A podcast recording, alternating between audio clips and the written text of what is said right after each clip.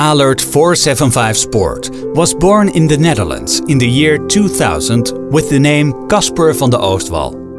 While there, he trained and competed in both dressage and show driving.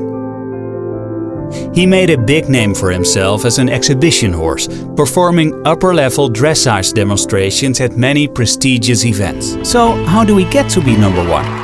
It starts with delivering an incredible customer experience to every existing and potential customer. Building meaningful relationships, really listening to our customers, and thinking about what they want and need from us.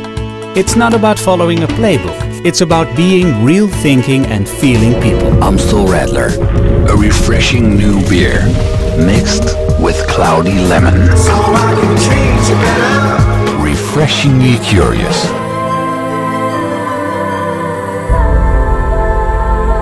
We are thankful to all who have helped Alert 475 Sport on his journey and look forward to the future with this special stallion.